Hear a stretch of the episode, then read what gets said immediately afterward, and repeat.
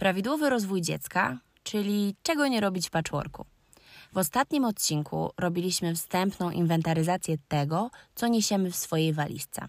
Aby móc poskładać te patchworkowe klocki, potrzebujemy jeszcze bliżej przyjrzeć się sobie i sprawdzić, czy nasza walizka ma kółka. Kółka, dzięki którym będzie nam lżej i dotrzemy dalej. Bardzo trudno budować jest rodzinę patchworkową, w której dziecko czuje się dobrze i bezpiecznie. Dziecko w wyniku rozwodu, rozstania rodziców z natury traci poczucie bezpieczeństwa. Nie do końca rozumie, co się dzieje teraz i nie wie, co będzie w przyszłości. Często takie rozstanie wiąże się ze stresem i napięciem obojga rodziców, które mimowolnie wpływają na dziecko. Czy wiesz, że jeśli rodzice się rozstają na etapie, gdy dziecko jest jeszcze w brzuchu matki, to dziecko może doświadczyć traumy?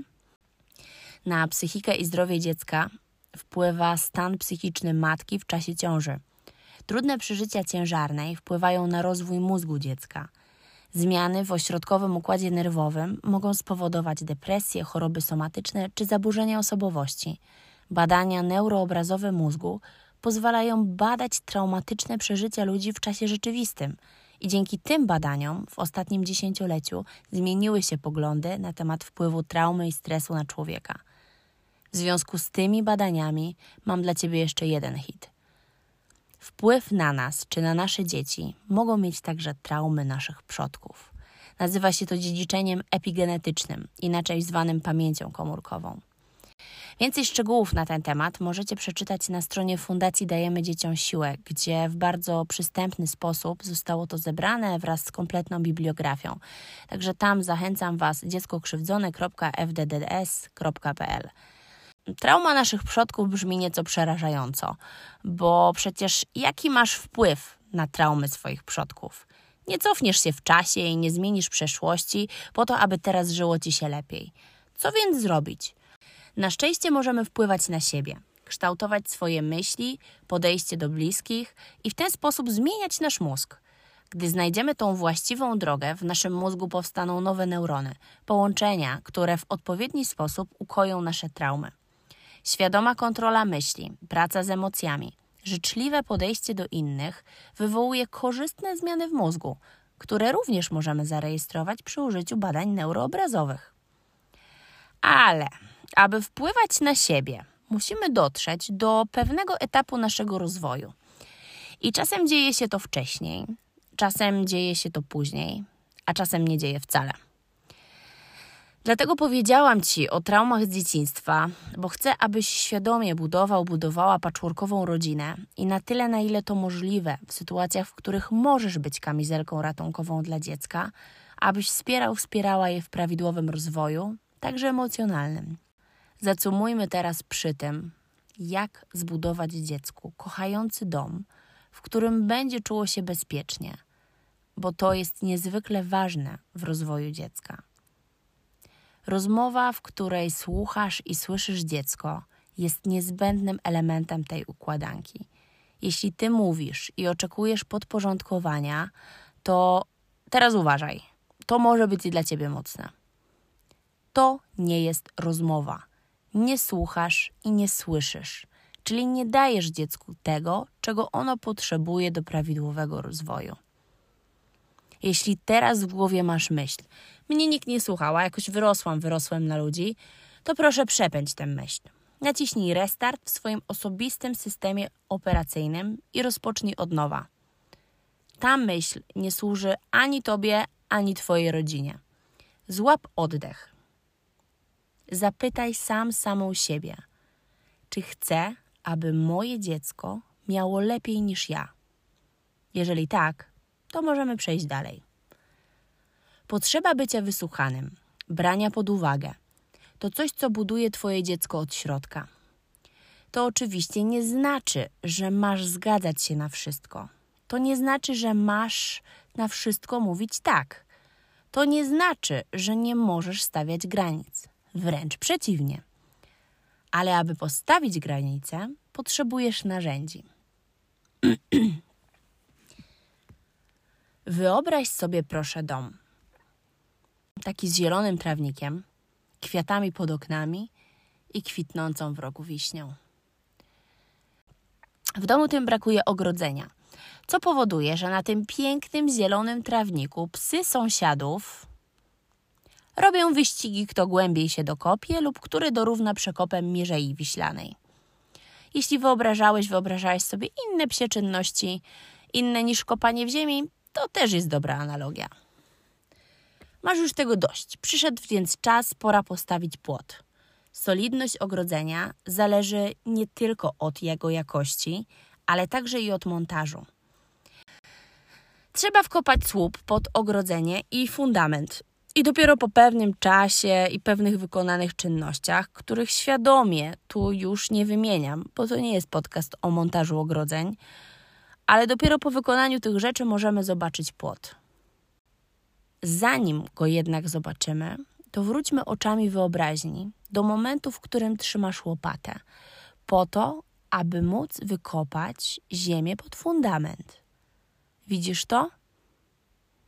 Czy widzisz, jaką trzeba wykonać pracę pod ziemią, aby później móc zobaczyć i utrzymać to, co nad ziemią? Zanim postawisz granicę, pokop, podrąż, zapytaj i usłysz. Od tego zależy stabilność Twojego płotu, Twojej granicy. Zapamiętaj, zawsze kiedy będziesz stawiać granicę płot, sprawdź, czy właściwie zrobiłeś, zrobiłaś wykop pod fundament. Tyle o granicach. Teraz pora na pytanie. Czego nie powinno robić się w patchworku? Jakie sytuacje jakie zachowania niszczą relacje i wpływają negatywnie na dziecko? Dziś o komunikacji OX. Twój ojciec jest beznadziejny, twoja matka jest beznadziejna. Nie można na nim polegać. Nie ufaj jej. Nie można na niej polegać. Ta, na pewno znowu ci coś obiecał. Znowu coś wymyśliła. Kolejny jej debilny pomysł. Kolejny jego debilny pomysł. Twoja matka jest wariatką, nie słuchaj jej. Najlepiej jakby go nie było. Nie przejmuj się nim. Masz już nową, inną mamusię. Nie przejmuj się nią. Masz już inną mamę. Nie przejmuj się nim masz już innego tatę i tak dalej. Wiem, że czasem zdarzyć się może, że wyleje się coś, co niekoniecznie powinno być usłyszane przez dziecko. Jednak gdy sytuacja jest permanentna i dziecko stale słyszy podobne zwroty, słowa, wówczas dziecko traci grunt pod nogami. Dziecko ma dwoje rodziców i potrzebuje kontaktu z obojgiem z nich. Nie chcę słyszeć Twoich obraźliwych opinii czy komentarzy na temat drugiego rodzica. Tu nie chodzi o to, że to jest Twój ex czy Twoja ex, bo tu chodzi o to, że to wciąż jest rodzic. Zawsze wasz słowa. Twoje dziecko jest mądre. Dlatego jeśli nie grozi mu utrata zdrowia lub życia przy Twoim ekspartnerze, partnerce, daj dziecku sprawdzić, swoje relacje z mamą, tatą. Daj sprawdzić więź. Nie wpływaj na nią negatywnie, bo to zawsze wraca. Nie wpływaj negatywnie na więź z drugim rodzicem. Zatrzymam się przy tym, bo wiem, że to bardzo trudne zadanie. Jeśli sam, sama masz nieprzepracowane rozstanie, wciąż przelewają się w tobie żale, oczekiwania czy rozczarowania dotyczące eks, to będzie ci trudno odnaleźć się na tym poziomie, który ponad złość do ex będzie wspierał dziecko. Dopóki tego nie poukładasz u siebie, trudno będzie ci zbudować bezpieczną przestrzeń dla dziecka. Co takie komentarze mm, robią dziecku? Mieszają w głowie, ranią, krzywdzą, obrażają. Już spieszę z wyjaśnieniem, co mam na myśli, używając kolokwializmu mieszają w głowie. Dziecko, chcąc czuć Twoją miłość i akceptację, może wyrażać swoją niechęć do drugiego rodzica i okazywać ją przy Tobie. Wszystko po to, abyś bardziej je kochała, kochał i bardziej zauważał i zauważała. Nie rób tego, nie wchodź w to. Zatrzymaj się i przyjrzyj się proszę, jak jest u Ciebie. I jeśli to się u ciebie zdarza, że dziecko podłapuje twoje słowa, negatywne opinie na temat swojego taty czy mamy, zatrzymaj się na tym. Robi to po coś. W tym zakopana jest jakaś potrzeba dziecka. I ja nie mówię tu o tak zwanych manipulacjach, bo o tym pojawi się też odcinek. To taki obszar, który wymaga swojego czasu w podcaście i doprecyzowania. Ja mam na myśli tutaj potrzebę bycia kochanym i akceptowanym przez swojego rodzica. Dla tych potrzeb dzieci są w stanie zrezygnować z siebie, a potem płacić za to zdrowiem psychicznym przez wiele kolejnych lat. Dlatego bądź uważny, uważna.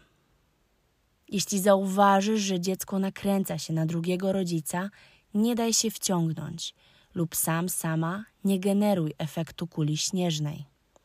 Złap oddech. Przyjrzyj się faktom. Zapytaj, co się wydarzyło, że używa takich słów czy określeń. Spróbuj poszukać z dzieckiem przyczyn tego zachowania. Zapewnij o swojej bezwarunkowej miłości. Bądź uważny, uważna. Zapytaj, czego potrzebuje dziecko.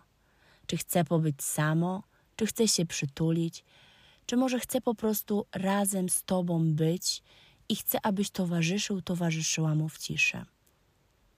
Pamiętaj, że Twoje problemy i rozczarowania z ex są Twoje, nie dziecka. Nie kalibruj dziecka na negatywne cechy drugiego rodzica. Daj dziecku doświadczać. Bądź towarzyszem. Słuchaj tego, co dziecko chce ci powiedzieć.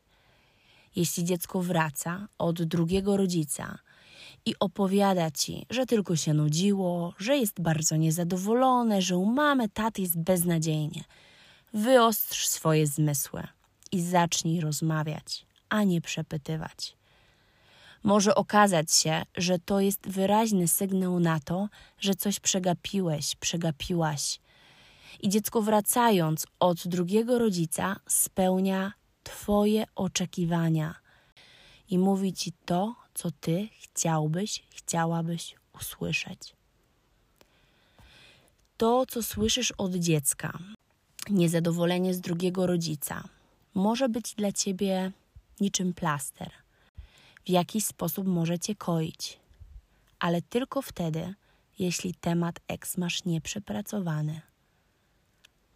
Dla dziecka jest to niezwykle trudne doświadczenie. Opowiadać o kimś, kogo się kocha, w sposób, który go obraża, do drugiej osoby, którą też się kocha, i robić to po to, aby zaspokoić czyjeś oczekiwania. Są jeszcze inne sytuacje, które wiążą się z nieprzepracowanym rozstaniem rodziców. Bo to, o czym mówiłam Ci wcześniej, co buduje relacje z dzieckiem, wsłuchanie się w to, co dziecko mówi, rozmowa z nim o tym, co dla niego ważne, także o tym, co wydarzyło się u drugiego rodzica, jak spędzali czas. To wymaga poukładania sobie w środku tego, czy jesteś gotowy, gotowa o tym rozmawiać dla dobra dziecka. Tylko ci, którzy słyszą patchworkowe dzieci, wiedzą, jak trudne jest dla nich to, że jeden rodzic nie chce nawet słyszeć o tym, że dziecko jest szczęśliwe u drugiego rodzica. Potrzeba dziecka, opowiedzenia o tym, gdzie było na wakacje, czego nowego doświadczyło, czego się bało, a co sprawiło mu radość, bywa blokowana przez rodziców gdyż nie potrafią unieść tego, że drugi rodzic wywołał tyle pozytywnych emocji w dziecku. Przebija się tu złość, zazdrość, ego i kilka jeszcze innych blokad, o których opowiem w innym odcinku. Zbierając jedną klamrą dzisiejszy odcinek podcastu i odpowiadając na tytułowe pytanie, chcę wytłuścić to, co wpływa na prawidłowy rozwój dziecka w patchworku. Po pierwsze, bezwarunkowa miłość rodziców. Drugie, poczucie bezpieczeństwa. Trzecie, świadomość i dojrzałość rodziców.